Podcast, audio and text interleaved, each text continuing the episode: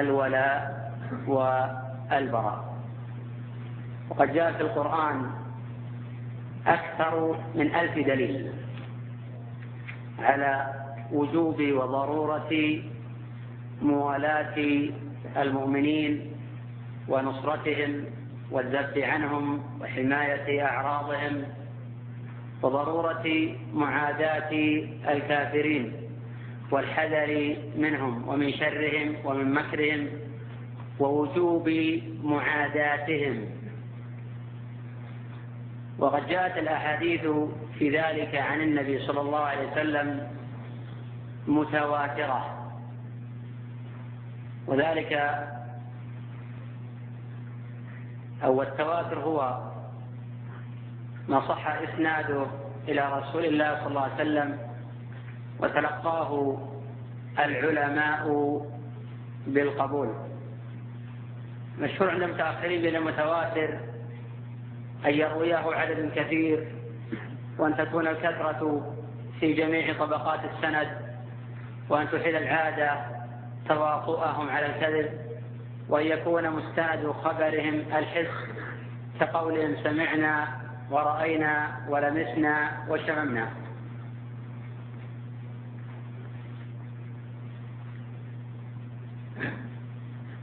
والصواب أن التواتر لا يشترط له شيء من هذا.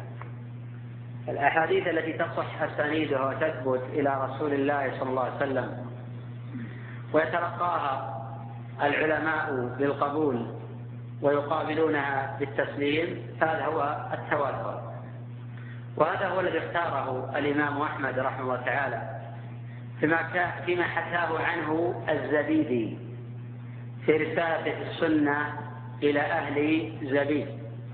وهذا الذي ذكره ابن أبي العز في شرح الطحاوية وذكره أيضا عن الإمام أحمد وعن جماعة من أئمة آه، السلف. أما اشتراط أربع شروط هذه لا تعرف الشروط إلا عن المتكلمين ومتأخري الفقهاء والأصوليين.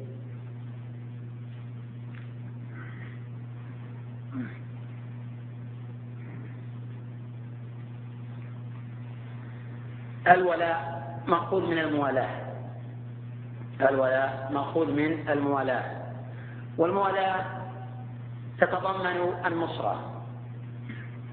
والنصرة تتمثل في عدة أمور. نصرة مالية نصرة باللسان نصرة بالسنان نصرة بالقلب. وجميع ما يتعلق بأمور الإيمان. الذي هو قول عمل قول القلب واللسان وعمل القلب واللسان والجوارح هذا كله متمثل في باب الولاء والبراء. لأن باب الولاء والبراء متعلق بجميع أمور الإيمان. لأن بعض الأعمال قد تكون متعلقة بالإعتقاد وآخر متعلق بالقول وآخر متعلق بالفعل. لكن باب الولاء والبراء متعلق بكل هذه الأمور. لأن القلب حين يحب يوالي. وحين يوالي ويدعي حقيقة المولاة لا بد أن ينصر. وإذا ادعى حقيقة الموالاة ولم يتأتى منه نصرة تعتبر هذه الموالاة غير صحيحة. كالذي يدعي محبة الله أو محبة رسوله صلى الله عليه وسلم ثم هو في نفس الوقت يوالي أعداء الله لا تقبل دعواه. قل إن كنتم تحبون الله فاتبعوني يحببكم الله. كما قال ابن القيم رحمه الله تعالى أتحب أعداء الحبيب وتدعي حبا له ما ذاك في إمكانه وكذا تعادي جاهدا أحبابه. أين المحبة يا أخا الشيطان؟ ولذلك ميل الناس أيضا إلى النفر والبغض في الأمور الشخصية أكثر من ميلهم إلى الأمور آه، الشرعية. بمعنى أن الإنسان لو أساء إلى رجل أخذ ماله مثلا أو هتك عرضه أو صفعه على وجهه. هو يبغض تلقائيا. بينما لو أساء إليه في دينه قلت البغضاء فالناس يميلون إلى معاداة الآخرين في أمورهم الشخصية. الأمور الذاتية أكثر من ميلهم في الأمور الشرعية. ولذلك الآن نرى أن جوانب الإسلام تقلص بجوانب متعددة. سواء كان عن طريق مؤتمرات كحوار وطني عن طريق مسخ والوبرة في المناهج أو عن طريق إدخال التربية الرياضية لمدارس البنات أو غير ذلك. ولا تحركا كبيرا ولا عملا ولا بيانا ولا صدعا في الحق بينما لو الإنسان مثلا ظلم في ماله أو في عرضه أو في بيته ربما دائما يتكلم وربما انه يعني تبذل ذلك حتى في صلاته. يكون له إنكار بجميع شعب آه الإنكار. كما قال ابن القيم رحمه الله تعالى وأي دين وأي خير. في من يرى حرمات الله تنتهك ودينه يضاع وسنة النبي صلى الله عليه وسلم تترك. وهو بارد القلب. شيطان أخرس. كما لم تكلم بالباطل شيطان ناصر وإذا نوزع يقول فيما فيه عليه غضاضة في دنياه بذل واجتهد وجاهد في جميع شعب الأمر بالمعروف والنهي عن المنكر أي بقلبه وبلسانه وبيده. يقول القيم رحمة عن هؤلاء وهؤلاء مع سقوطهم من عين الله قد ولوا في الدنيا بأعظم بلية وهي موت القلب. فإن القلب كلما كانت حياته أتم كلما كان أمره ونهيه أكثر. معنى هذا كلما كان القلب ميتا فإنه لا يأمر بمعروف ولا ينهى عن منكر. وحين سئل عبد الله بن مسعود رضي الله عنه عن ميت الأحياء قيل له من ميت الأحياء؟ قال الذي لا يأمر بالمعروف ولا ينهى عن المنكر. وذلك في حديث ربع بن حراج عن حذيفة في صحيح الإمام مسلم. قال صلى الله عليه وسلم تعرض الفتن على القلوب. كالحصير عودا عودا. فأي قلب نشربها نكت فيه نكتة سوداء. وأي قلب أنكرها نكت في نكتة بيضاء. حتى تصير على قلبين. على أبيض مثل الصفا. لا تضره فتنة ما دامت السماوات والأرض. والآخر أسود مرباد كالكوز مجخلة لا يعرف معروفا ولا ينكر منكرا. لأن هؤلاء ليس لهم إيمان أو علم. يرشدهم إلى معرفة الحق ونصرته. دائما تنسى ضعف النصرة للمسلمين وقلة العداوة للكافرين من أمرين. الأمر الأول ضعف الإيمان بالغيب وما عد الله للمحسنين. الأمر الثاني النقص في العلم.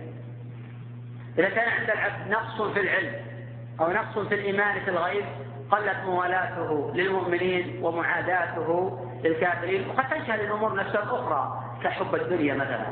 لأن العبد إذا حب الدنيا بلا ريب أنه يؤثر منصبه وجاهه على نصرة المؤمنين لأنه قد يتعرض في نصرة المؤمنين إلى قطع آه، جاهه أو ذهابه قد يتعرض إلى معاداة الكافرين إلى نقص جاهه وما يتعلق بذلك. فلذلك حذر النبي صلى الله عليه وسلم من الدنيا من الركون اليها وما يتعلق بذلك لما تؤدي إليه هذه الأمور كما في نص سورة النحل. قال الله جل وعلا حين ذكر قال ذلك انه يستحق الحياة الدنيا على الآخرة وأن الله لا يهدي القوم الكافرين. فأخبر الله جل وعلا أن سبب الكفر وسبب البعد عن الدين هو حب الدنيا وكراهية الموت. وذلك في حديث آه، ثوبان. قال صلى الله عليه وسلم يوشك أن تداعى عليكم الأمم كما تداعى الأكل إلى قصعتها قال ومن قل نحن يومئذ يا رسول الله قال لا أنتم كثير. هذا علم من اعلام النبوة وأن الأمة تتنامى في آخر الزمان. وهذا هو الموجود. تبلغ الأمة الإسلامية الآن طبعا نحمل الهوية بصرف النظر عن واقعها الحقيقي. مليارا ومئتي مليون. هذا من يحمل الهوية الإسلامية. باعتبار أنه مسلم. يكتب في البطاقة بأنه مسلم. قد يكون مسلم قد يكون منافق قد يكون زنديقا أن يدخل في ذلك الماء والدفع المقصود أنه يحمل البطاقات باعتبار أنه مسلم تجاوز مليارا ومائتي مليون. ولكن ماذا قال عنهم؟ لكنهم أتى.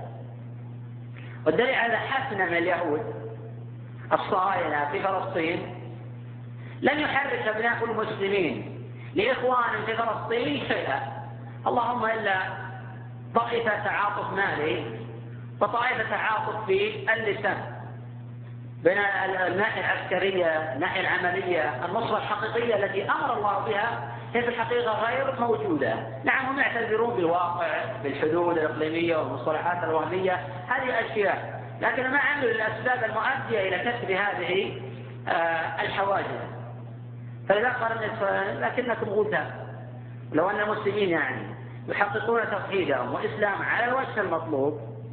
لا أخرج اليهود من فلسطين بالعصي ما يحتاجون إلى بنادق ولا إلى دبابات ولا إلى طائرات. لأن الصحابة رضي الله عنهم كانت الإمكانيات قليلة في وقتهم بالنسبة لعدوهم. وهذا في الحقيقة مهم بالنسبة لنا في واقعنا لأن بعض الناس يعتقد أن إذا لم يحصل تكافؤ في العدد والعدد أن المسلمين لا يواجهون أصلا وهذا غير صحيح. لأن منذ أن عرف التاريخ أتحدث عن التاريخ النبوي. منذ أن عرف التاريخ أن تقوم الساعة لم تكن القوة متكافئة بين المسلمين وبين الكافرين. فإن الكفار أكثر عددا وعددا. إلى أن تقوم الساعة الساعة تقوم على شرار الخلق. والنبي صلى الله عليه وسلم غزا سبع سبعا وعشرين غزوة. وبنفس غزا تسع غزوات. آخر غزوة تبوك. لم يغزو غزوة. كانت إمكانياته أكثر من إمكانيات عدوه. كان أقل عددا وعددا والغريب في الأمر والعجيب ولا قرابة في الحقيقة لمن تأمل في الشرع أنه ما من غزوة إلا وينتصر. إلا في غزوتين. الغزوة الأولى حين خالف الصحابة أمر رسول الله صلى الله عليه وسلم وهم الرماة. الأمر الثاني حين أعجب الصحابة بكثرته بكثرتهم. حين قال لهم كثرة وهذا كثرة ينبغي أن نفهم. أن ليست كثرة مبدية على عدد الكفار لا. هذا كثرة أقل من عدد الكفار لكن بالنسبة لواقعهم اللي من قبل. كانوا يقاتلون بالألف والألفين. في غزوة كانوا أكثر من ذلك. فحين أعجبوا بكثرتهم ولوا مدبرين. قال الله جل وعلا ويوم حنين. إذا أعجبتكم كثرتكم. فلم تغن عنكم شيئا. وضاقت عليكم الأرض بما رحبت ثم وليتم مدبرين. ثم أنزل الله سكينته على رسوله وعلى المؤمنين. وأنزل جنودا لم تروها. وعذب الذين كفروا وذلك جزاء الكافرين. ثم يتوب الله من بعد ذلك على من يشاء. والله غفور رحيم. الصحابة رضي الله عنهم حسن لهم إعجاب بكثرتهم وعددهم وعددهم. كانت الدائرة عليهم في أول الأمر. حين كان منهم رجوع إلى الله جل وعلا كان لهم النصر والتمكين. بينما في غزوة مؤتة حين التقى الصفان كان عدد المسلمين لا يتجاوز ثلاثة آلاف. وكان عدد عدوهم لا يقل على مختلف كلام مرة عن 120 ألفا. وذكر الحافظ كثير في النهاية أنه يتجاوز 200 ألف. وسواء قيل هذا أو ذاك لا نسبة بين 120 ألفا وبين ثلاثة آلاف حين يلتقي آه، حين يلتقي الصفان. وقد كان النبي صلى الله عليه وسلم وضع على هؤلاء زيد بن ثابت وعبد الله بن رواحة وجعفر فقال بعض الصحابة لا طاقة لنا بهذا العدو. هم أكثر عددا وعددا. وقال آخرون لعلنا نستنصر بمن حولنا من المسلمين. وهذا لا يقال في بداية الإسلام لأن الغزوة في سنة ثمان من الهجرة باتفاق المؤرخين. هذه تسمى غزوة مؤتة. ثمان من الهجرة باتفاق المؤرخين. وقال آخرون لعلنا نكتب إلى رسول الله وهو الذي يأمرنا بأمره ونأتمر بأمره. فقام عبد الله بن رواحة خطيبا فيهم في أهمية العلم في مثل هذه المواطن وفي أهمية الثبات والصبر على المبدأ وعدم التنازل. وان من أقدم على شيء يثبت على عليه ولا من الاصل لا يقدم آه، عليه من رامي إلى العز فليصطبر على لقاء المنايا واقتحام المضايق فإن تكن الأيام رنقن مشربي وسلمنا حدي بالخطوب الطوارق فما غيرتني محنة عن خليقتي ولا حولتني خدعة عن طرائقي لكنني باق على ما يسرني ويغضب أعدائي ويرضي الصادقين تأمل في واقع الصحابة واقع المنافقين في غزوة الأحزاب. إذ يقول المنافقون والذين في قلوبهم مرض ما وعدنا الله ورسوله إلا غرورا. بينما دخل المؤمنون ولما رأى المؤمنون الأحزاب قالوا هذا ما وعدنا الله ورسوله. وصدق الله ورسوله وما زادهم إلا إيمانا وتسليما. فقال عبد الله بن رواحة إن الذي منه تهربون أي لا تتراجعون في هذه الاقتراحات. لا هو الذي خرجتم تطلبون وإنكم لا تقاتلون الناس. لا بعدد ولا بعدد. وإنما تقاتلون الناس بهذا الدين. إنما هو النصر أو الشهادة. قل هل تتربصون بنا إلا إحدى؟ الحسنين ونحن نتربص بكم أن يصيبكم الله بعذاب من عنده أو بأيدينا. قال الله جل وعلا قل لن يصيبنا. إلا ما كتب الله لنا هو مولانا. وعلى الله فليتوكل المؤمنون. حينئذ قويت عزائم الصحابة. وخاضوا هذه الغزوة والمعركة. وما هي إلا دقائق ليست سويعات دقائق. حتى منحهم الكفار اكتافهم وولوا مدبرين. وغنم الصحابة رضي الله عنهم أموالهم وانتصروا في هذه الغزوة. فكان النصر بالإيمان ولم يكن لا بعدد ولا بعدد إذا الأمر متعلق بتحقيق الإيمان في القلوب ليس بكثرة ولا هي بالناحية العسكرية كالذين يدون الآن بالتكافؤ العدد والعدد هو بتصحيح الأوضاع لا غير وبالرجوع إلى الله جل وعلا وبتصحيح المعتقد وبتطبيق وهو الحديث عنه الولاء في أرض الواقع.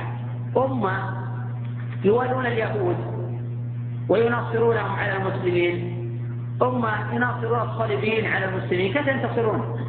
لأن هؤلاء هم الصليبيون وجهان لعملة واحدة. أمة تقيم حوارات. لحق ثوابت الشريعة. أمة تقيم حوارات مع القبوريين ومع الرافضة ومع العلمانيين ومع الليبراليين ومع أرادل البشرية. هؤلاء لا ينتصرون أبدا. ما دام ما يوجد عند هؤلاء؟ ولا وبركة. كيف ينتصرون؟ لأن الذي لا ينتصر على نفسه ولا ينتصر على شهوته.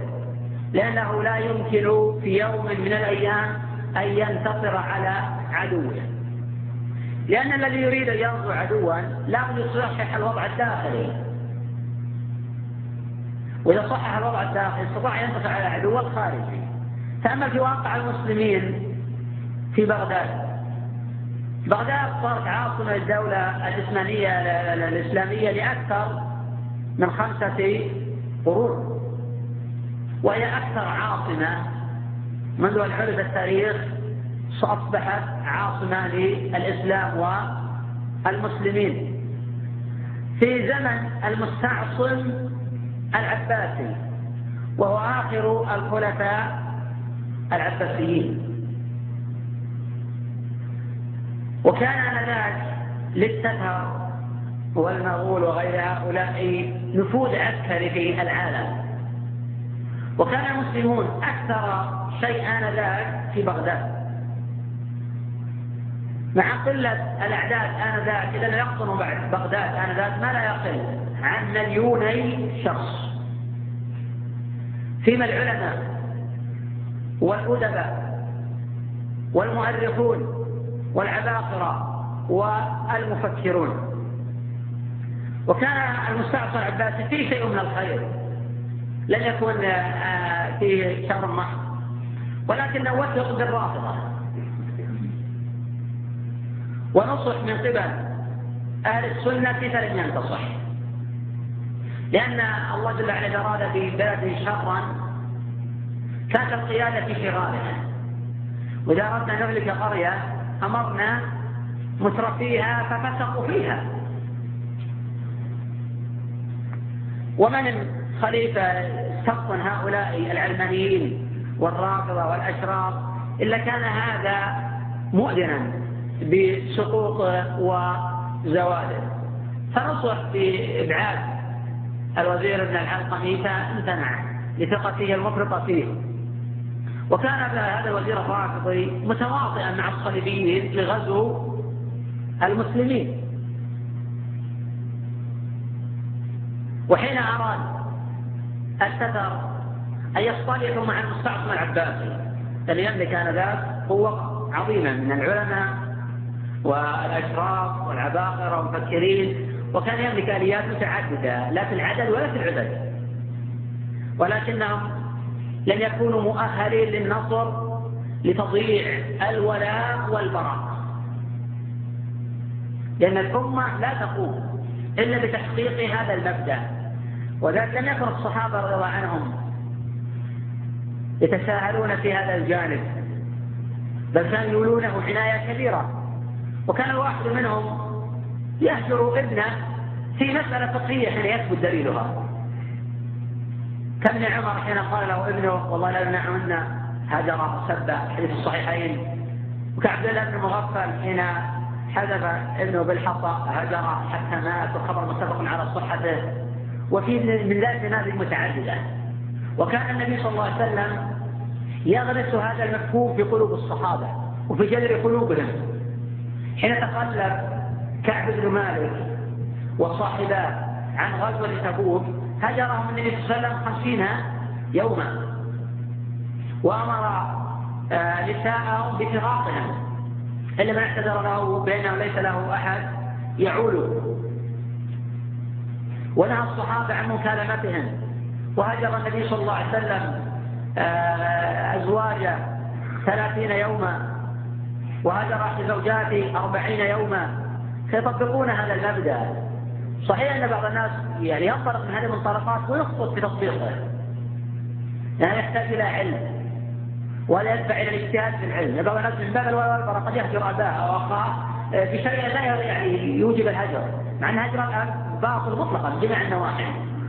حتى ولو كان مشركا. طائفة أخرى لا يفرقون بين وبين مخالطه أهل الضلال ونحوها ولا يفرقون بين الهجر آه، وأنواع لأن هذه مراتب وأنواع. طبعا هذا كله يحتاج إلى تفصيل. لكن هو الكلام فقط عن آه، الأصول ووجود هذه الأصول في أرض الواقع. ما دام توجد الأصول في أرض الواقع؟ هم تصحيح الأخطاء الفردية التي قد توجد؟ لكن حسنت في هذه الأصول كيف نصحح الأخطاء الفردية والأصول غير موجودة أصلا؟ فالمستعصم العباسي حين قرب الرافضة جعل وزيره من الرافضة فطلب التتر للصلاح مع المسلمين ووافق التتر والمسلمون على ذلك اتفقوا يكون هذا خارج البلد. فطرح الوزير الرافضي على مستخدم عباسي ليكون الصلح مع وجوه البلد من العلماء والقضاة والمصلحين. ويكون هذا خارج البلد. وهذا طبعا بمؤامرة من التتار. زعد العباسي كان غرا. ولأنه قرب رافضيا ومن قرب الأشرار وأبعد الأخيار فهذا مصيره. ولذلك حين سئل أحد ملوك بني بويه دولة بني بويه هذا مثل قليلا. حين سئل أحدهم ما سبب سقوطكم يعني؟ من أول وهله تخرجون تسقطون. قال قربنا الأشرار وباعدنا وأقصينا الأخيار. فكان هذا المصير.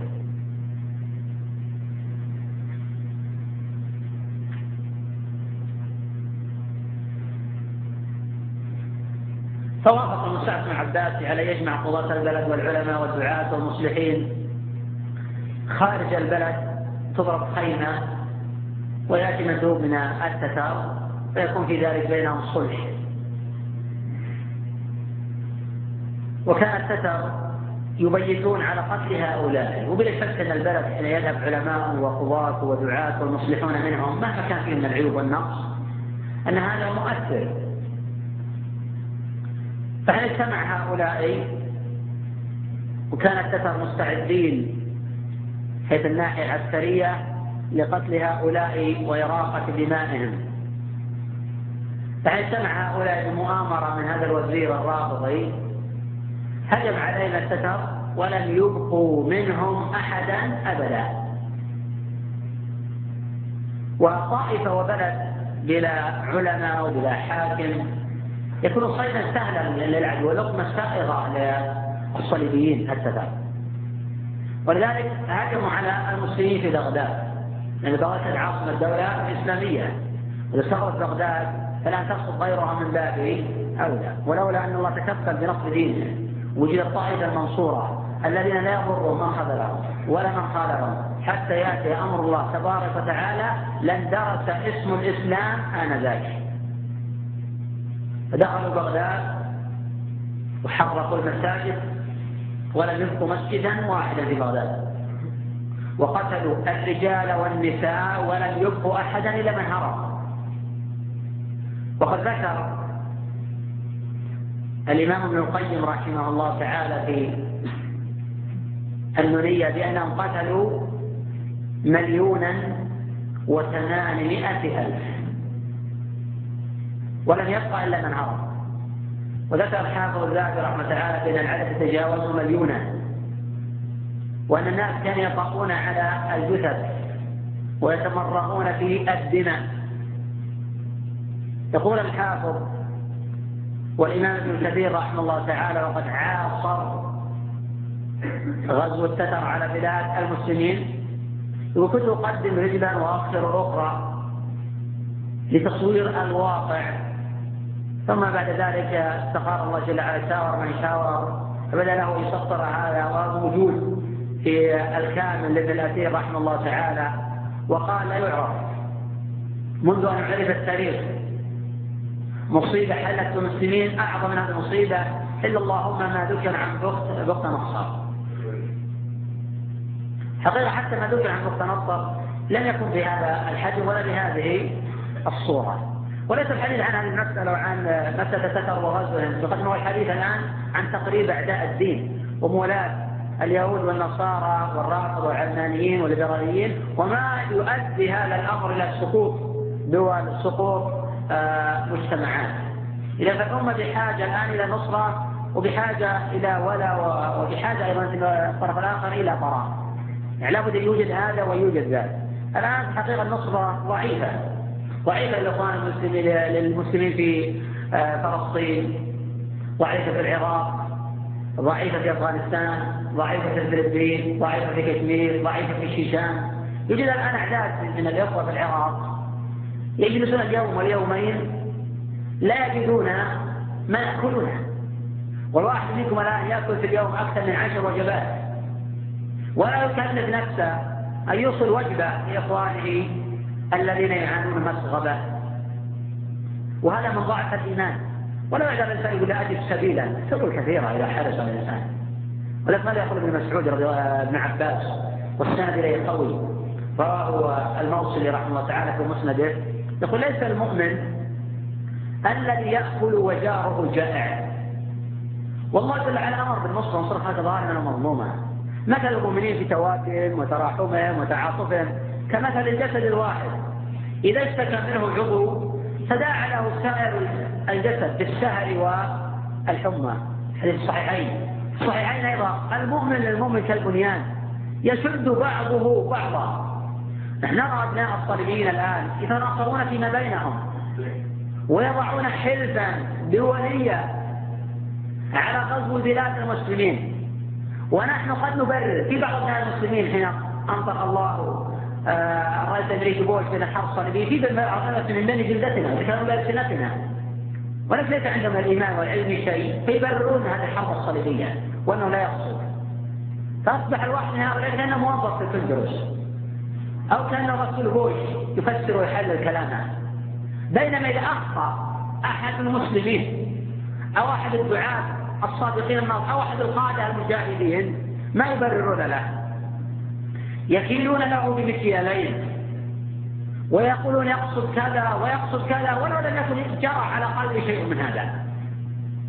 فهم مستعدون للتبرير لبوش لكنهم غير مستعدين للتبرير للمسلمين. فمع المسلمين يرون القذاء ومع الصليبيين يرون الجذع. وهل هذا الإسلام في شيء؟ هل هذا النصر في شيء؟ أين قوله صلى الله عليه وسلم في حقوق المسلم على المسلم ولا يخذله؟ وأي خذلان أعظم من هذا الخذلان؟ ويتخلل عن النصرة أعظم من هذا التخلي. أي القوة الإيمانية التي قال الله جل وعلا فيها؟ إنما المؤمنون إخوة. لأن الأخوة الإيمانية ما تنتفي بأي وجه من الوجوه. بعض الناس يعتذر عن النصرة بوجود بعض الأخطاء عند الآخرين. وجود الأخطاء لا تسوغ ولا تبرر ترك النصرة. لأن ليس في الدنيا هناك خطأ أكبر من خطأ الكفر.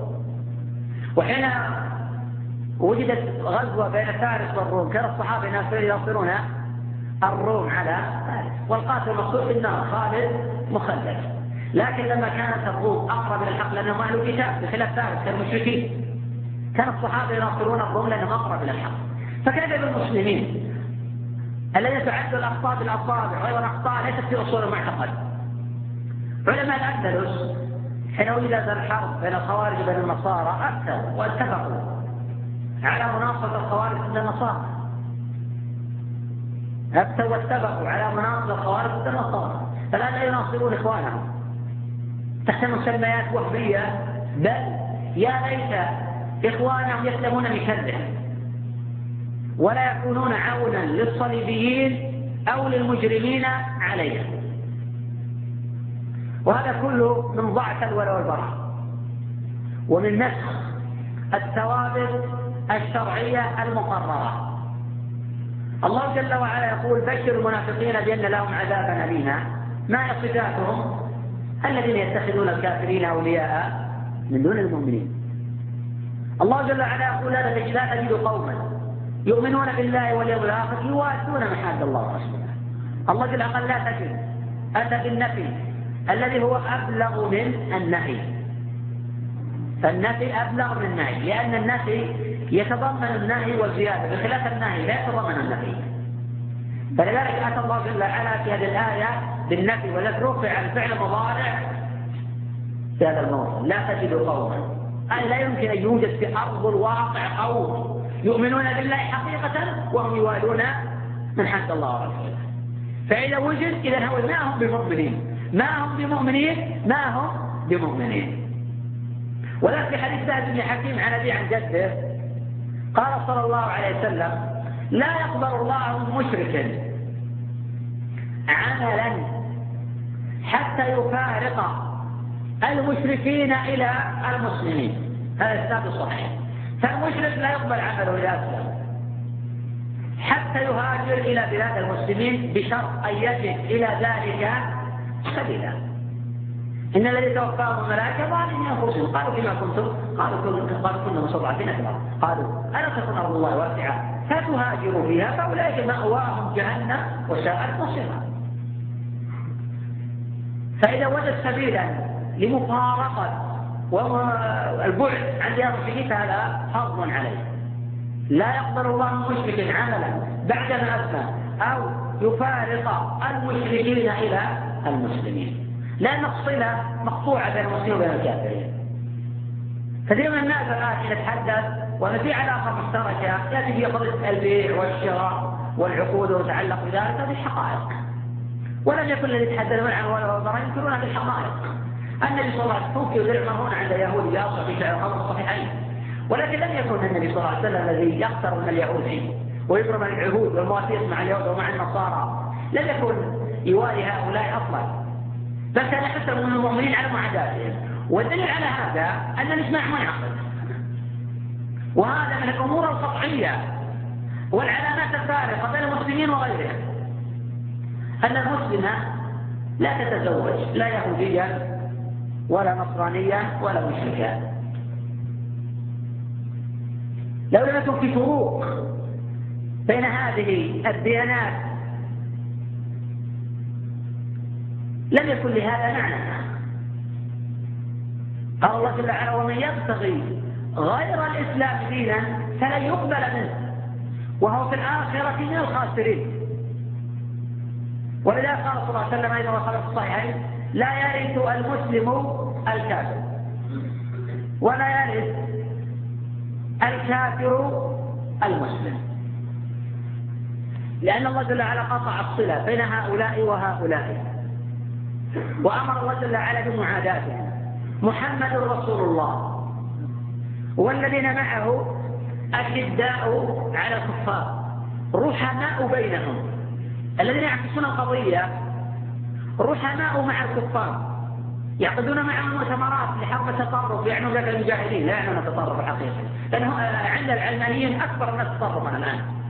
ولا رأينا الصحابة تحاربهم العلمانيون الآن عبر الصحف عبر الجرائد عبر المجلات يستهزئون بدين الله. طاش ما طاش استهزاء بدين الله. ومع ذلك ممكن له ويدعم. وين الولاء والبراء؟ وين حرب التطرف؟ إذا ما يقصدون التطرف الذي هو بالمفهوم الحقيقي. الذي ينطلق من منطلقات وأسس وثوابت شرعية لا. يقصدون بذلك المجاهدين الذين يواجهون الكفار يواجهون الصالحين لا غير. والدليل على هذا أيضا العلمانيون في الصحف وفي الجرائد والمجلات يمثلون. ويتركون يعبرون عن ما يشاءون حتى في مسلمات الثوابت الشريعة. يقولون نحن نحارب التكفيريين العلمانيون يكفرون.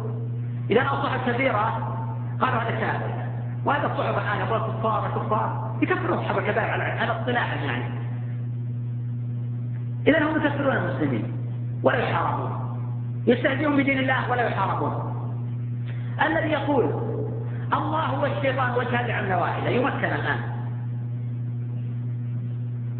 ولو قيل لأحد الرؤساء فلان والحمار وجه لعملة واحدة لبطش به. وسجن وأدب ورغم قطع رقبته. ويأتي هذا الخبيث المجرم ويقول الله والشيطان وجهان لعملة واحدة؟ ويترك يعيش في الأرض ولا يستتاب ولا يحاسب وتكون الحكومة للمصلحين في الأرض ويترك المفسدون في الأرض. هذا هو التطرف. الذي يريد هذا التطرف هذا التطرف الحقيقي استعلاء على الذات الإلهية. طعن في الذات الإلهية. طعن في الإسلام. طعن في المسلمين. هتك لحرمة الشريعة. ويتركون. وين الولاء والبراء؟ أين تطبيق المبادئ؟ أين حرب التطرف؟ أين حرب العنف؟ إذا هذا المؤتمرات تقام كالحوار الوطني وأمثاله. هذا كله نسخ الشريعة. ولحرب الإسلام والمسلمين تحت مسألة حرب التطرف حرب الإرهاب اللي عنده نية يحارب يحارب الرافضة يحارب العلمانيين يحارب الليبراليين. يحارب يستهزئون بالدين. اللي يستعلون ويتكلمون ويطعنون في الذات الإلهية. إبليس وهو إبليس لم يكن له طعن في الذات الإلهية فكان يقسم بالذات الإلهية فبعزتك لأغوينهم أجمعين المشركون والمشركون على كفرهم لم يكن لهم طعن في الذات الإلهية ولم يكن الواحد منهم يساوي رب العالمين بالشيطان. بل إذا أصابتهم ملمة دعوا الله مخلصين له الدين بنص القرآن. هذا هو التطرف هذا هو العنف الحقيقي. هذا هو الإجرام. فلذلك لابد من تحقيق هذا المبدأ وترسيخ هذا المفهوم وتنشئة الناس. وان لأنه الآن وين وازيل من الكتب المدرسية؟ لا يستطيع أحد إزالة من القرآن. أنا أتكفل بحفظه. وهذا لحد مما يفرح المسلمين. وأن الله جل وعلا تكفل بحفظه. وهو مسح من السطور فهو باق في القلوب. ما بقي الليل والنهار. صحيح لا ننكر أن للحرب ضحايا هذا بلا شك. سوف يكون كثير من أبناء المسلمين ضحية هذه الهجمة على ثوابت الشريعة. لكن الله جل وعلا يقول ما ظلمناهم ولكن كانوا أنفسهم يظلمون. بترك القرآن وترك السنة وبالرجوع إلى إرث محمد صلى الله عليه وسلم وإرث الصحابة يعاقب العبد. فلا تغنى الآيات والنذر عن قوم لا يؤمنون؟ بالتالي نجنب أبنائنا التعاليم الفاسدة وإلا سوف نجني الحنظل في المستقبل. لو نجد أرضية قوية صلبة لأبنائنا وبناتنا في تقعيد ثوابت الشريعة وتكون هذا نوع من المراغمة لبني علما وأمثالهم ونصرائهم وأعوانهم. يتمثل هذا في أمور. الأمر الأول تصنيف الكتب والرسائل والمطويات في باب الولاء والبراء. وبيان مذاهب أئمة السلف في هذا الأمر الثاني مضاعفة الخطط المنبرية وغيرها في الحديث عن هذه الجوانب. الأمر الثالث طباعة بعض كتب أئمة السلف المعنية في هذا الباب. الأمر الرابع التواصل مع العلماء والدعاة والصادقين والمصلحين في مواجهة هذا الانحدار المنهمر في هذه الأمة. الأمر الخامس مدارسة هذا الوضع والتحدث عنه الفين بعد آه، الفينة الأمر السادس مضاعفة الحلق في المساجد وإيجاد دروس عن هذه الجوانب. فكما يحاربون في المدارس نحن نحاربهم في المساجد. في بيوت الله وإذا منع الإنسان من بس ما يمنع من بيته. هذه كلها جوانب يستطيع من خلالها أن يصل إلى قلوب الآخرين. والحقيقة أنه مع الصدق مع الصدق يكفي الواحد. لأن الواحد من الواحدين يغلب ألفا بل مليونا من علماء الضلال.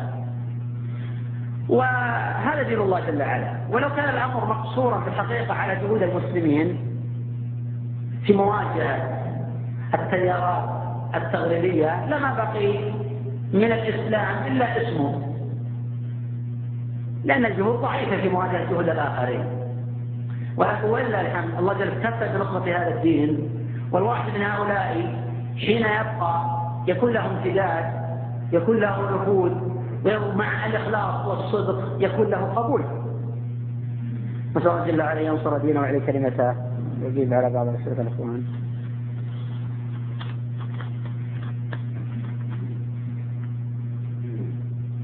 الأخ يقول ما حكم شراء العملات؟ وهل يشترط التقابض؟ وما الحكم لو أودعت المبلغ لبائع العملة في حسابه؟ وتبقى عنده العملة المباعة حتى يرسلها إليه. شراء عملة بعملة إذا اختلفت فلا حرج. لا حرج من شراء الليرة بالدينار أو الدرهم بالدينار أو الدرهم بالليرة أو الدرهم بالريال. لا حرج من هذا. بشرط أن يكون يدا بيد. لقوله صلى الله عليه وسلم والخبر في الصحيحين فإذا اختلفت هذه الأصناف فبيعوا كيف شئتم. إذا كان يدا بيد. إذا اختلفت هذه الأصناف فبيعوا كيف شئتم. إذا كان يدا بيد.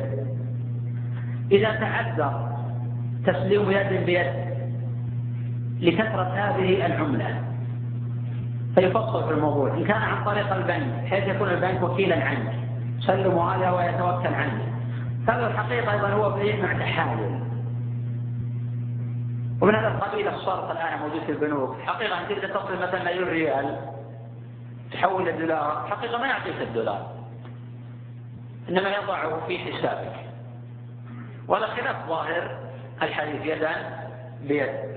إذا تشتري عملة ما ما تقبض هذه العملة. حساب يضع في الحساب. هذا الحقيقة الأصل فيها المنع.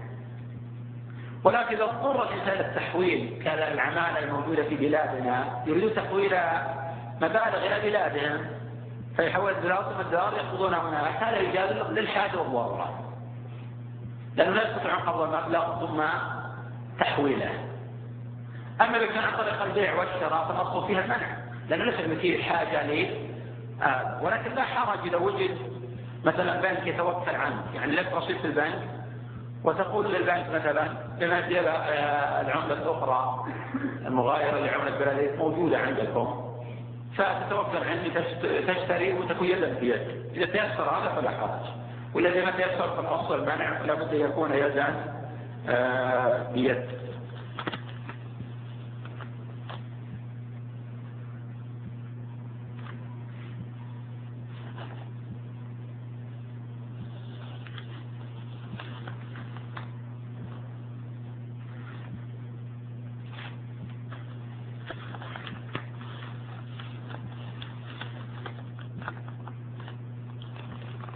السؤال يقول هل يحرم على أهل البيت الآن أن يأكلوا الصدقة بعدما توقف عنهم الخمس من بيت المال؟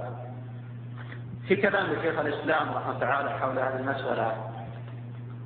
ولا يختلف الفقهاء أن أهل البيت لهم شيء من من بيت المال. ولكن إذا منع عنهم بيت المال وقد ذكر شيخ الإسلام رحمه تعالى أن الصدقة تحل لهم.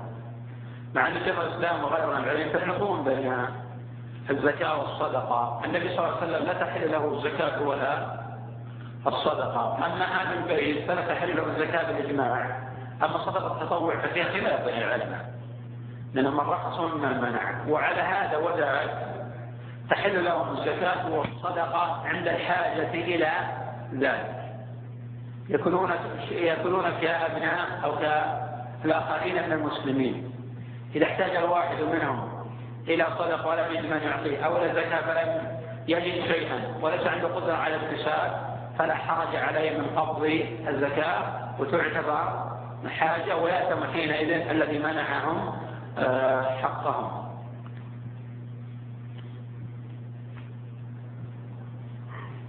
نسأل كثيرا عن اللقاء المسمى بالحوار الوطني وأنا تكلمت الشرط قبل قليل. وأنه في الحقيقة أنه أولا قالوا لنا عنه من حوار وطني ليس لم يقول عندنا حوار آه، إسلامي ويفهم من هذا أننا نلتقي مع الأطراف الأخرى تحت راية الوطن نلتقي تحت راية آه، الإسلام. أمر آخر الحقيقة أن هذا ليس هو حوار بالمسمى الشرعي بمعنى تعرض حجتك وأعرض حجتي ونتناقش ونحاول نصل النتيجة. لا إنما آراء أخرى ثم ترفع إلى آخره لا غير فكل يطرح ما يطرح ما يريد. وليس له يناقش الآخر يتم مع الآخر مع جهات أخرى. هذا في الحقيقة هو مجرد تميع ولا ثمرة له في الحقيقة للإسلام.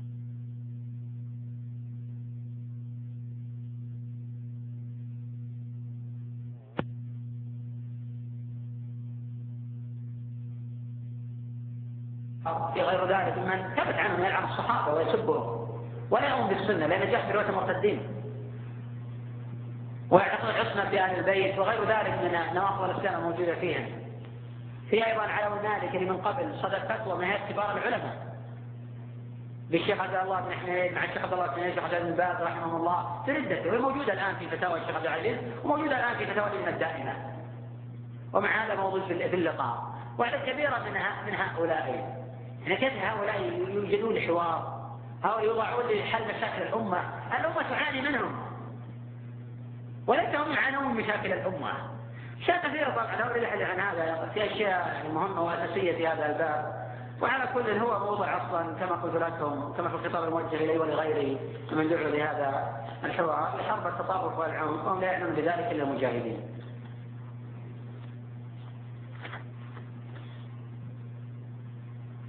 الأخ يقول ما حكم بيع الاسم لبيت العقاري بمبلغ مالي قبل نزوله.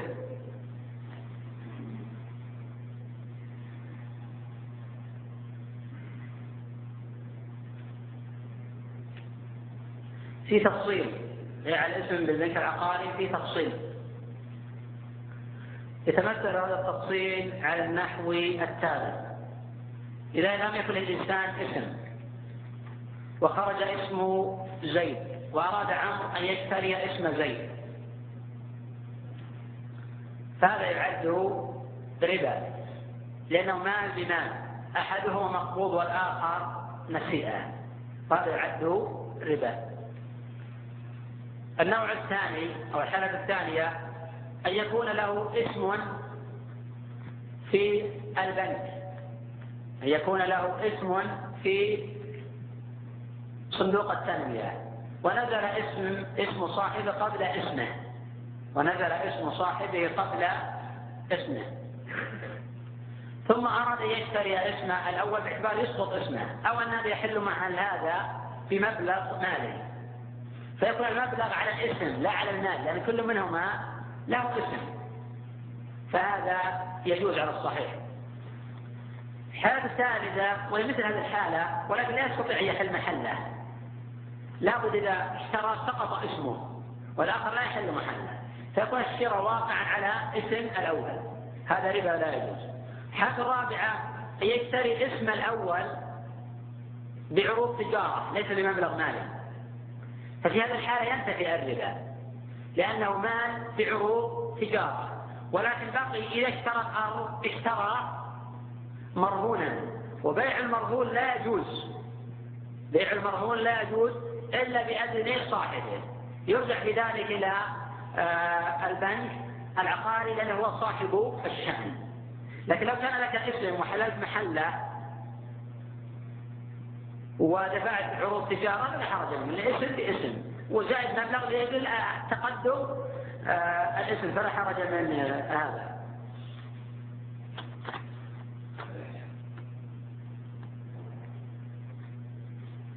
حقيقة الأسئلة أكثرها.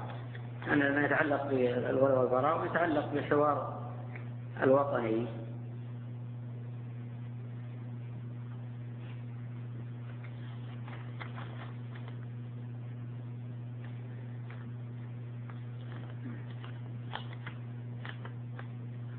الأخ يقول ما هي أفضل الكتب التي تتحدث عن الولاء والبراء على وجه الخصوص؟ الكتب في هذا كثيرة جدا.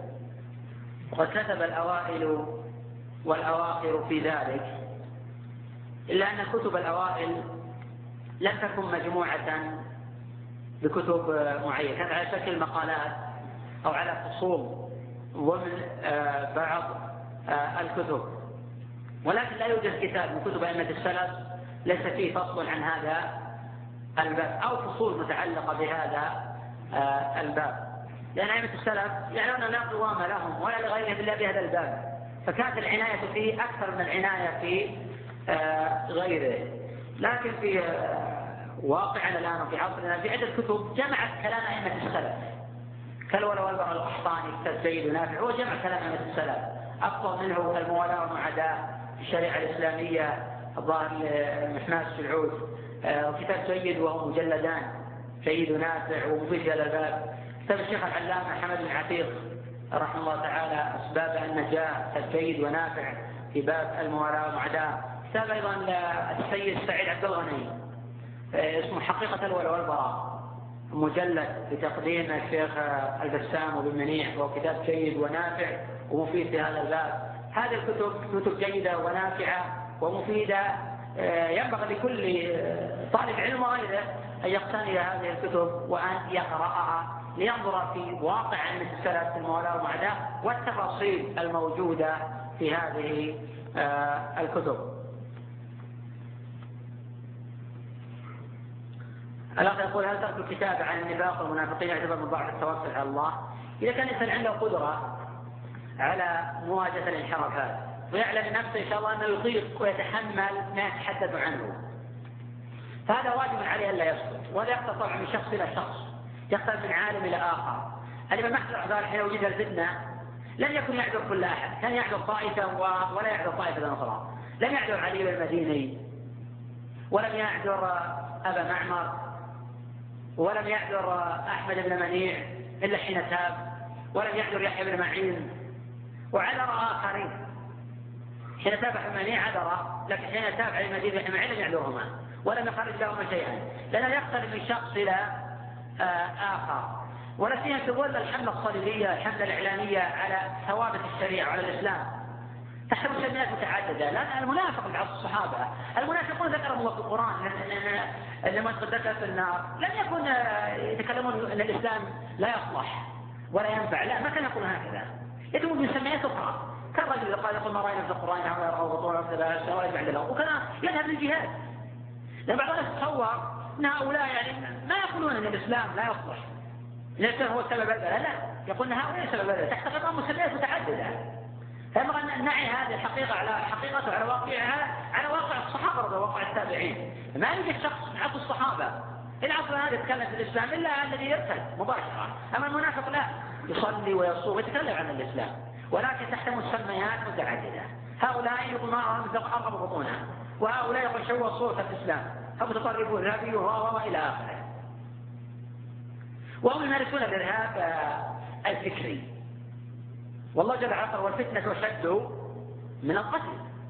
هم يمارسون الإرهاب الأول اللي أخبروا عن أشد من القتل ولكن لا يرتضون الإرهاب الثاني على تقصير فيه. هم يرتضون هذا لأنفسهم ولكن لا يرتضون الثاني لغيرهم فهم في الحقيقة يمارسون نوعا هذا. وهذا يراجع الحوار الوطني أيضا. الحوار الوطني يريد حوار لكيفية تجميد عمل وواقع الجهاد والمجاهدين في العالم الإسلامي. ولكن لا يريد أن يتحدث الإنسان عن هذه المسائل لأن موضوع الذي هدف هذه المسائل. كيف تحاور عن هذه المسائل؟ ولذا هذا هم حين يتحدثون عن المجرمين عن الطواغيت وعن الذين يحرفون الشرع عن الرافضة الرافضة أمامهم لا يتكلمون عنهم أبدا. لأن حوار وطني. نحمد منك هذا الوطن فأنا وأنت أخوك. لكن يتحدثون عن آخر قد نتفق نحن وإياه مثلا على أنه فعل كبيرة صاحب الكبيرة شسع شسع نعم صاحب الكبيرة خير من الرافضين فكيف أتحدث أنا عن صاحب كبيرة؟ إذا اتفقنا أنه صاحب كبيرة. وهذا عدو للاسلام مشرك. أتعاون معه على حرب أخي. الذي قال الله عنه وهو قاتل فمن عفي له من أخيه سماه الله لولا واضح هذا هذا الحوار. من أعظم الوضوح وأعظم الأشياء علو مالك مشرك. بفتوى من هيئه كبار العلماء. بتوقيع عبد الله بن حميد وابن باز ومجموعة. وصدرت عنه بيان وكتب متعددة. من أخبار كتاب الشيخ عبد الله بن بديع موجود ومطبوع. بتقرير الشيخ عبد الله بن حميد وأنا مشرك الرجل. ومطبوع الآن بعد المكاتب مجلد. ومع ذلك يوضع في الحوار إذا كيف أنا أريد أن أحارب ناس عندهم كبائر على التنزل؟ وهؤلاء المشركون في إجماع المسلمين. سبحان الله. إذا المقصود من ذلك هو حرب الجهاد لأن الحكومات والسياسات وأصحاب النفاق والعلمانيين ولأن العلمانيين والليبراليين والمجرمين والمستثمرين لا يريدون بقاء هؤلاء على الأرض. ولا فما معنى حرب هؤلاء وترك هؤلاء؟ لو كان الإنسان يعتقد أن لا هؤلاء عندهم عنف وعندهم أخطاء ويرى هذا نقول هذا لو كان يرى طيب لماذا يحارب هؤلاء؟ لو كان يحارب الجميع التمس له العذر مسألة العذر. لو كان يحارب هؤلاء يحارب هؤلاء. أما تكون الحرب على هؤلاء وهم بالإجماع لا يمكن صفهم في مصاف هؤلاء. إذا تتضح أهداف هذا آه واضحا جليا فإذا الإنسان إذا كان عنده قدرة وتحمل فإنه يتكلم ويقرر ويبصر الناس كما قال أحمد إذا سكت هذا وسكت هذا فما يتكلم. ولا يقول طبقا إن نحن على الطائفة ولا نحن الطائفة لأن هذا دين والله تمت على الدين الذين يبلغون رسالات الله ويخشونه ولا يخشون أحدا إلا الله. ولا يخشون أحدا إلا الله. وكفى بالله حسيبا. قال الله جل وعلا أليس الله بكاف عبده؟ ويخوفونك بالذين من دونه. الذين قال لهم الناس إن الناس قد جمعوا لكم فاخشوهم فزادهم إيمانا قالوا حسبنا الله ونعم الوكيل.